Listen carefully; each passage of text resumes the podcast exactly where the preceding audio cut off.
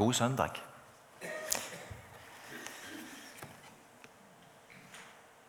Vi leser sammen trekketeksten for denne søndagen, Maria budskapsdag. står i Lukas kapittel 1, versene 26 38. Da det led på den sjette måneden, ble engel Gabriel sendt fra Gud til en by i Galilea som heter Nasaret. Til en jomfru som var trolovet med Josef, en mann av Davids ett. Hennes navn var Maria. Engelen kom til henne og sa, Vær hilset, du som har fått nåde. Herren er med deg. Hun ble forskrekket over engelens ord og undret seg over hva denne hilsen skulle bety. Men engelen sa til henne, Frykt ikke, Maria, for, du har funnet nåde hos Gud. Du skal bli med barn og få en sønn, og du skal gi ham navnet Jesus. Han skal være stor og kalles den høyeste sønn. Herren Gud skal gi ham hans far Davids trone, og han skal være konge over Jakobs ett til evig tid. Det skal ikke være ende på hans kongedømme. Maria sa til engelen, hvordan skal dette gå til når jeg ikke har vært sammen med noen mann? Engelen svarte, Den hellige ånd skal komme over deg, og den høyestes kraft skal overskygge deg. Derfor skal også barnet som blir født, være hellig og kalles Guds sønn. Og hør, din slektning Elisabeth venter en sønn, hun også, på sine gamle dager. Det ble sagt at hun ikke kunne få barn, men nå er hun alt i sin sjette måned. For ingenting er umulig for Gud. Da sa Maria, Jeg er Herrens tjenerinne, la det skje med meg som du har sagt. Så forlot engelen henne. Herre, vis oss dine stier og lær oss dine veier. La oss forvandre din sannhet. Lær oss, Gud, for du er vår frelser. Vi venter dagen lang på deg. Kom, Hellige Ånd, og vær oss nær. Amen. Nåde være med dere og fred fra Gud, vår Far og Herren Jesus Kristus. Denne hilsen begynner Paulus de aller fleste av sine brev med, eller avart av den. Og den hilsen, denne nådehilsen, den møter vi igjen i denne teksten. Og vi skal komme litt tilbake til det.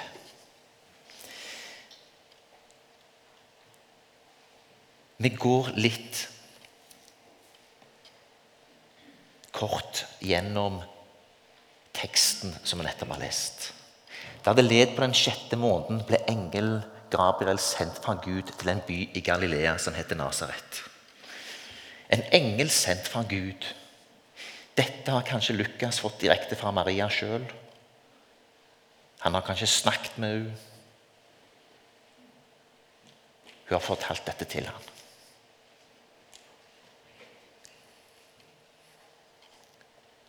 Videre til en jomfru som var trolovet med Josef, en mann av Davids ett. Hennes navn var Maria. Engel kom til henne og sa, 'Vær hilset, du som har fått nåde. Herren er med deg.' For en fin innledning. 'Vær hilset, du som har fått nåde. Herren er med deg.' Her er Maria blitt sett av Gud. Hun er blitt hilst fra himmelen. Syns det er stort, dette. En engel engelen Gabriel, sendt fra Gud.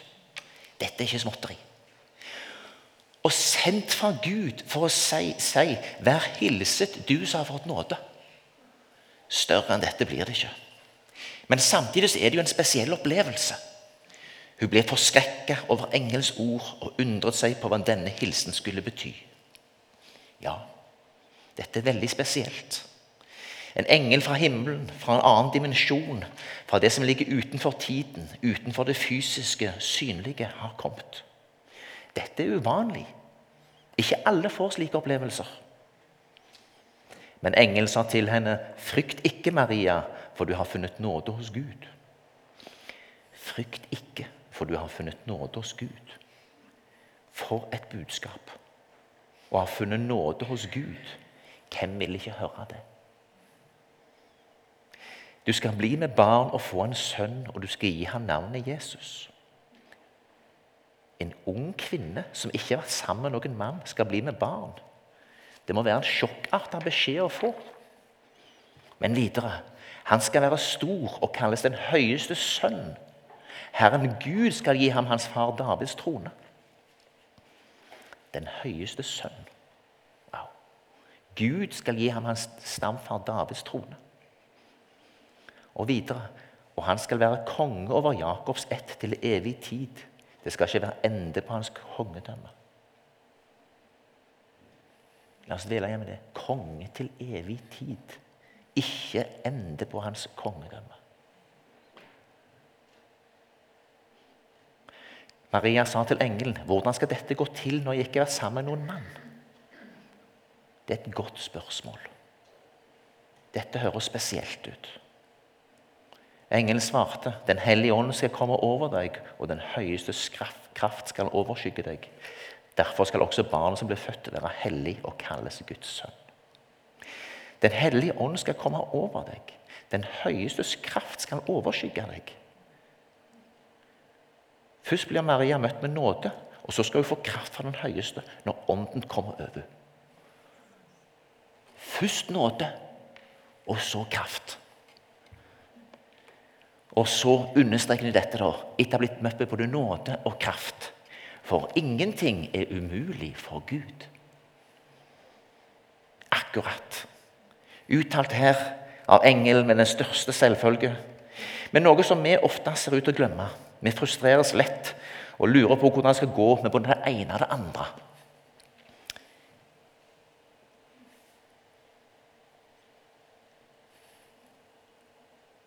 Misjonssambandet og Salem er en del av en vekkelsesbevegelse som har vært. Og Det har vært mange vekkelsesbevegelser. Og, og, og Det er ikke uvanlig at vekkelsesbevegelsene de syns faste ting som liturgi ja, det er litt, det er ikke for oss. For, for vi inspirerte, som har fått ånden, og i vår kultur så lever liksom eh, det, det, er det frie. Det er det inspirerte, umiddelbare. Men jeg kjenner en kar som heter Andreas Woie. Andreas han har vært i Ungdom i oppdrag så var han med og starta Akta bibelskole i IMI. Så var han prest i Hundvåg og så var han prest i Frikirka. Og så satt jeg og snakket en gang med han om liturgi. Og så sier han Han er jo også teolog, da. I motsetning til meg, som bare er en enkel siviløkonom. Ehm, men, så, men så sier han ja, Kristoffer Inge, på praktikum på NF, der lærte vi dette. Det som folk får lov til å si sjøl, det husker de ti ganger så godt som det som bare blir sagt til dem. Så eh, Jeg er ikke opptatt av at vi skal gjenta og kopiere alt som Den norske kirke gjør, eller andre kirkesamfunn. Jeg har til og med lurt på burde ikke Misjonssambandet utvikle sin egen misjonsliturgi. Vi har jo en trappeliturgi som kaller det når vi går opp trappa. Tenk om vi veksel eh, sier de ordene til hverandre som misjonsfolk. Bare et eksempel. Men det er noe med det som vi sier. Så nå lurer jeg på om vi ikke kan si tre ganger sammen denne setningen. For ingenting er umulig for Gud. La oss gjøre det. Vi sier det høyt. For ingenting er umulig for Gud. For ingenting er umulig for Gud. For ingenting er umulig for Gud. Og etter å ha hørt dette sterke budskapet, så sier Maria Jeg er Herrens tjenerinne. La det skje med meg som du har sagt. Jeg er Herrens tjenerinne. La det skje med meg som du har sagt. Etter vi nå har sagt 'for ingenting er mulig for Gud', tør vi òg å si denne setningen 'Jeg er Herrens tjener, la det skje med meg som du vil'. Skal vi prøve det òg? Jeg er Herrens tjener, la det skje med meg som du vil. Jeg er Herrens tjener, La det skje med meg som du vil. Jeg er Herrens tjener. La det skje med meg som du vil. Tilbake til denne nådehilsen. Nådehilsen som vi ofte møter i ulike kirker og forsamlinger, det er den fra Paulus. Nåde være med dere og fred fra Gud, vår Far og Herren Jesus Kristus. Dette innleder Paulus med i Romerbrevet, første Korinterbrev, andre Korinterbrev, Galaterbrevet, Efeserbrevet og Filipperbrevet. Og brevet til Filemon. Syv av 13 brev. Og så har han bare en liten avart av den i de andre brevene. Det er fremdeles nådehilsen. Det som alltid er med, det er nåde og fred. Det er med i, i de andre brevene òg, men litt andre formuleringer. Og Det som jeg synes er så fint, det er altså at eh, Paulus er raus. Det er ikke sånn at de brevene der han har en tydelig formaning, der det er liksom litt sånn ugreie, der sier han ikke dette. Mens i de brevene der det liksom bare er full pull og god stemning, der han bare vil liksom komme med gode ord til dem, der sier han det. Nei, nei, nei. Han sier det til alle menighetene som han skriver til. Noen skriver han til formaning, andre skriver han til trøst. Andre bare virker som han skal Han må bare snakke litt med dem. Han må bare dele noen gode ord med dem og bekrefte dem. Nei, uansett så begynner han med dette. Og det er jo en god ting. Fordi enten det står slik eller sånn til, enten det er litt uro eller litt ugreie, så anerkjenner han at menigheten er omslutta av nåde og fred. Jeg syns òg det er fint, det som står i, eh, i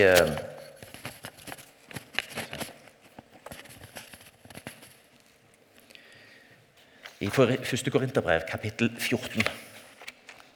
Der står noe fint innledningsvis.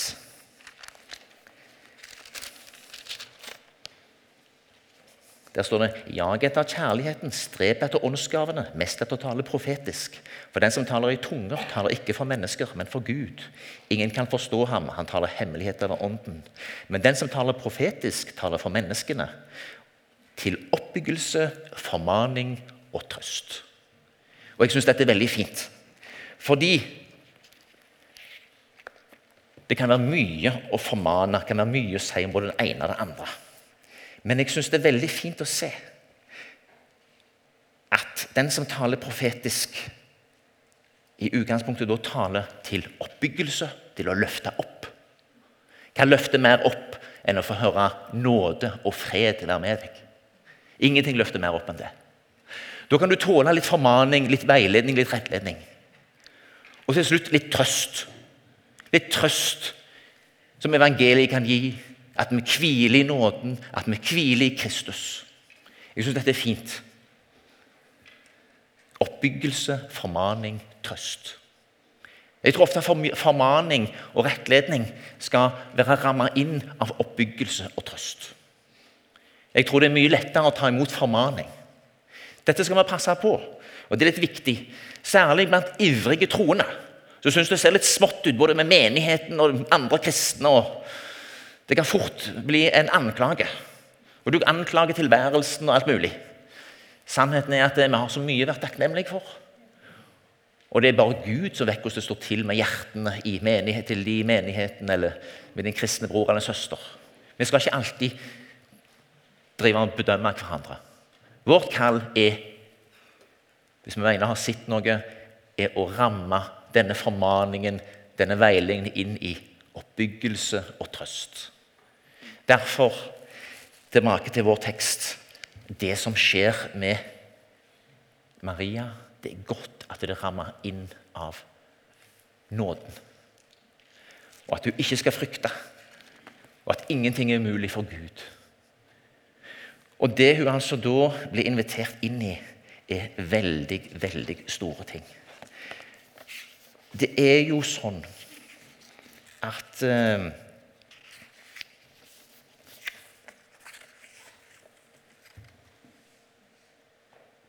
Det budskapet som formidles her, er en tydeliggjøring av den planen som har sett utfolde seg i Det gamle testamentet, som vi nå ser i ettertid. Men ingen hadde før fått høre dette så tydelig som Maria.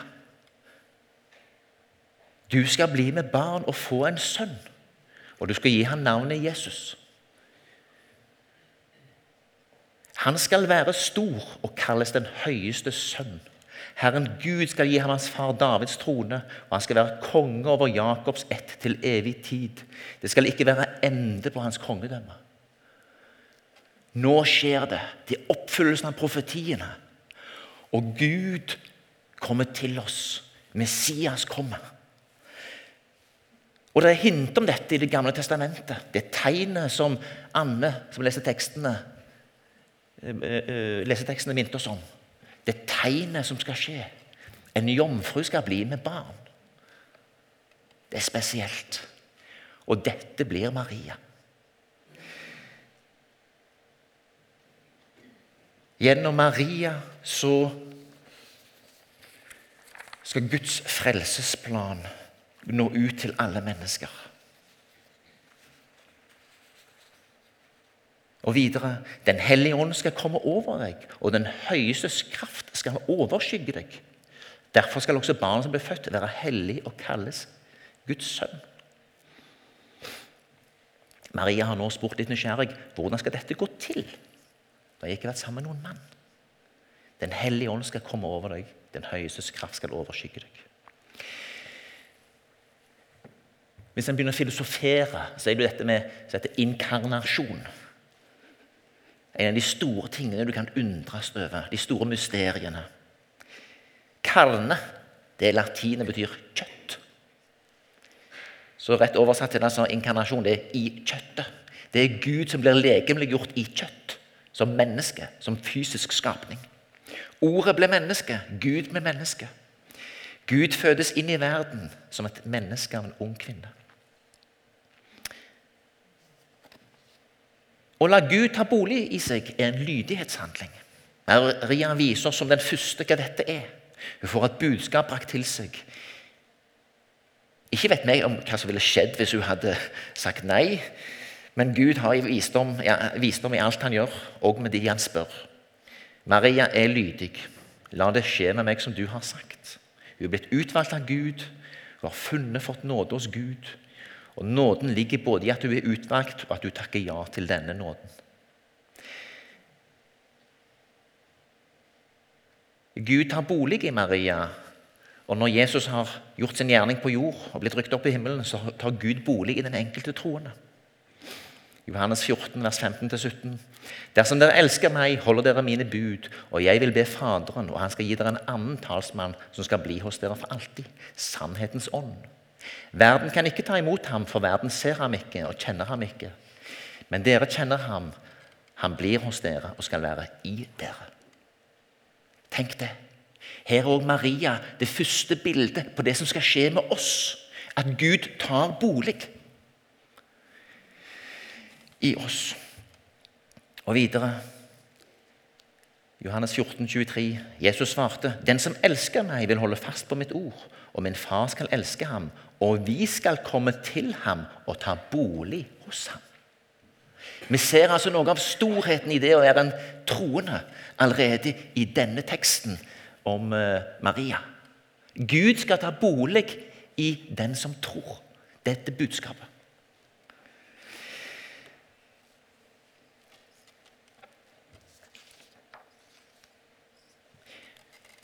Mange mennesker har opp gjennom tidene blitt invitert inn i det guddommelige, fått syner, drømmer og åpenbaringer.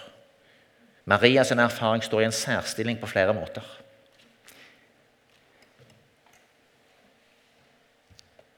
Maria ble invitert inn i at hennes fysiske kropp på guddommelig vis skal bli en bolig for Gud. Gud kommer til deg helt fysisk og synlig. Kroppen din vil bli forandra. Magen vil vokse. Alt det som skjer med en gravid kvinnes utvikling fra unnfangelse til fødsel, vil skje med Maria. Det er en åndelig hendelse som får et fysisk, kroppslig uttrykk.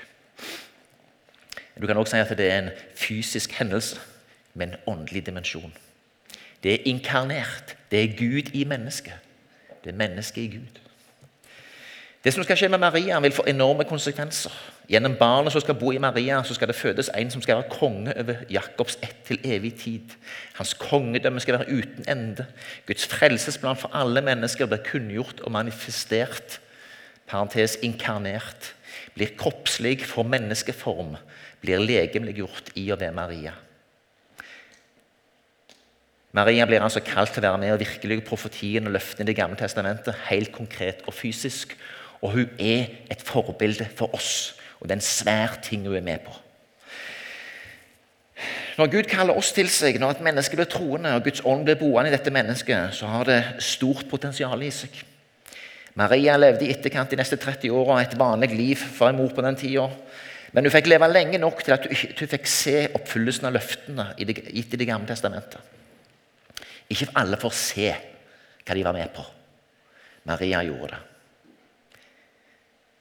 Men likevel er det et eksempel for oss. La det skje med meg som du har sagt. Noen får spektakulære tjenester som blir huska. Andre får mer stillferdige tjenester, men Gud ser det. Det skal vi aldri undervurdere. Derfor skal vi aldri måle hverandres tjeneste og plassering. Vi er så forskjellige. Eh, vi er kalt til så forskjellige ting. Vi er så ulike som mennesker. Må vi stole på at Gud har større tanker enn det vi ser. La oss derfor ikke så fort bli dommere for hverandre.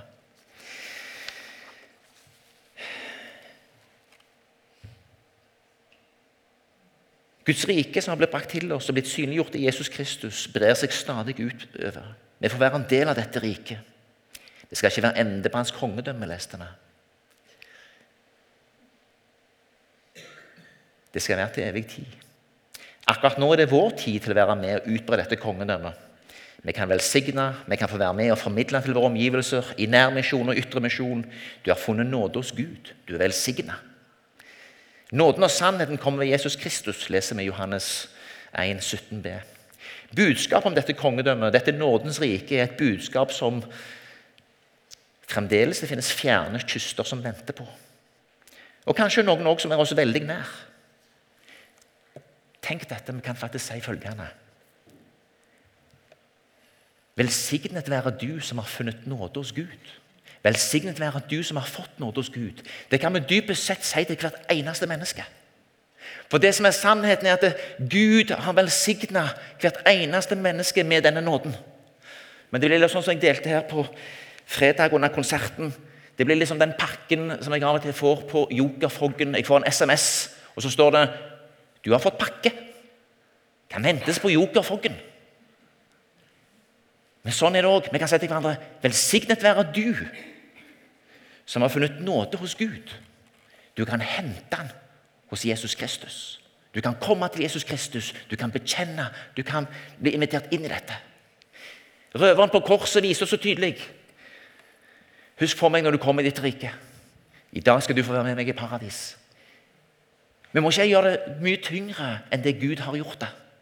Det kan finnes noen one-linere, det finnes noen situasjoner der vi bare kan si 'Velsignet være du som har funnet nåde hos Gud'. Denne nåden har du fått allerede i Jesus Kristus. La oss være frimodige på den nådens vegne.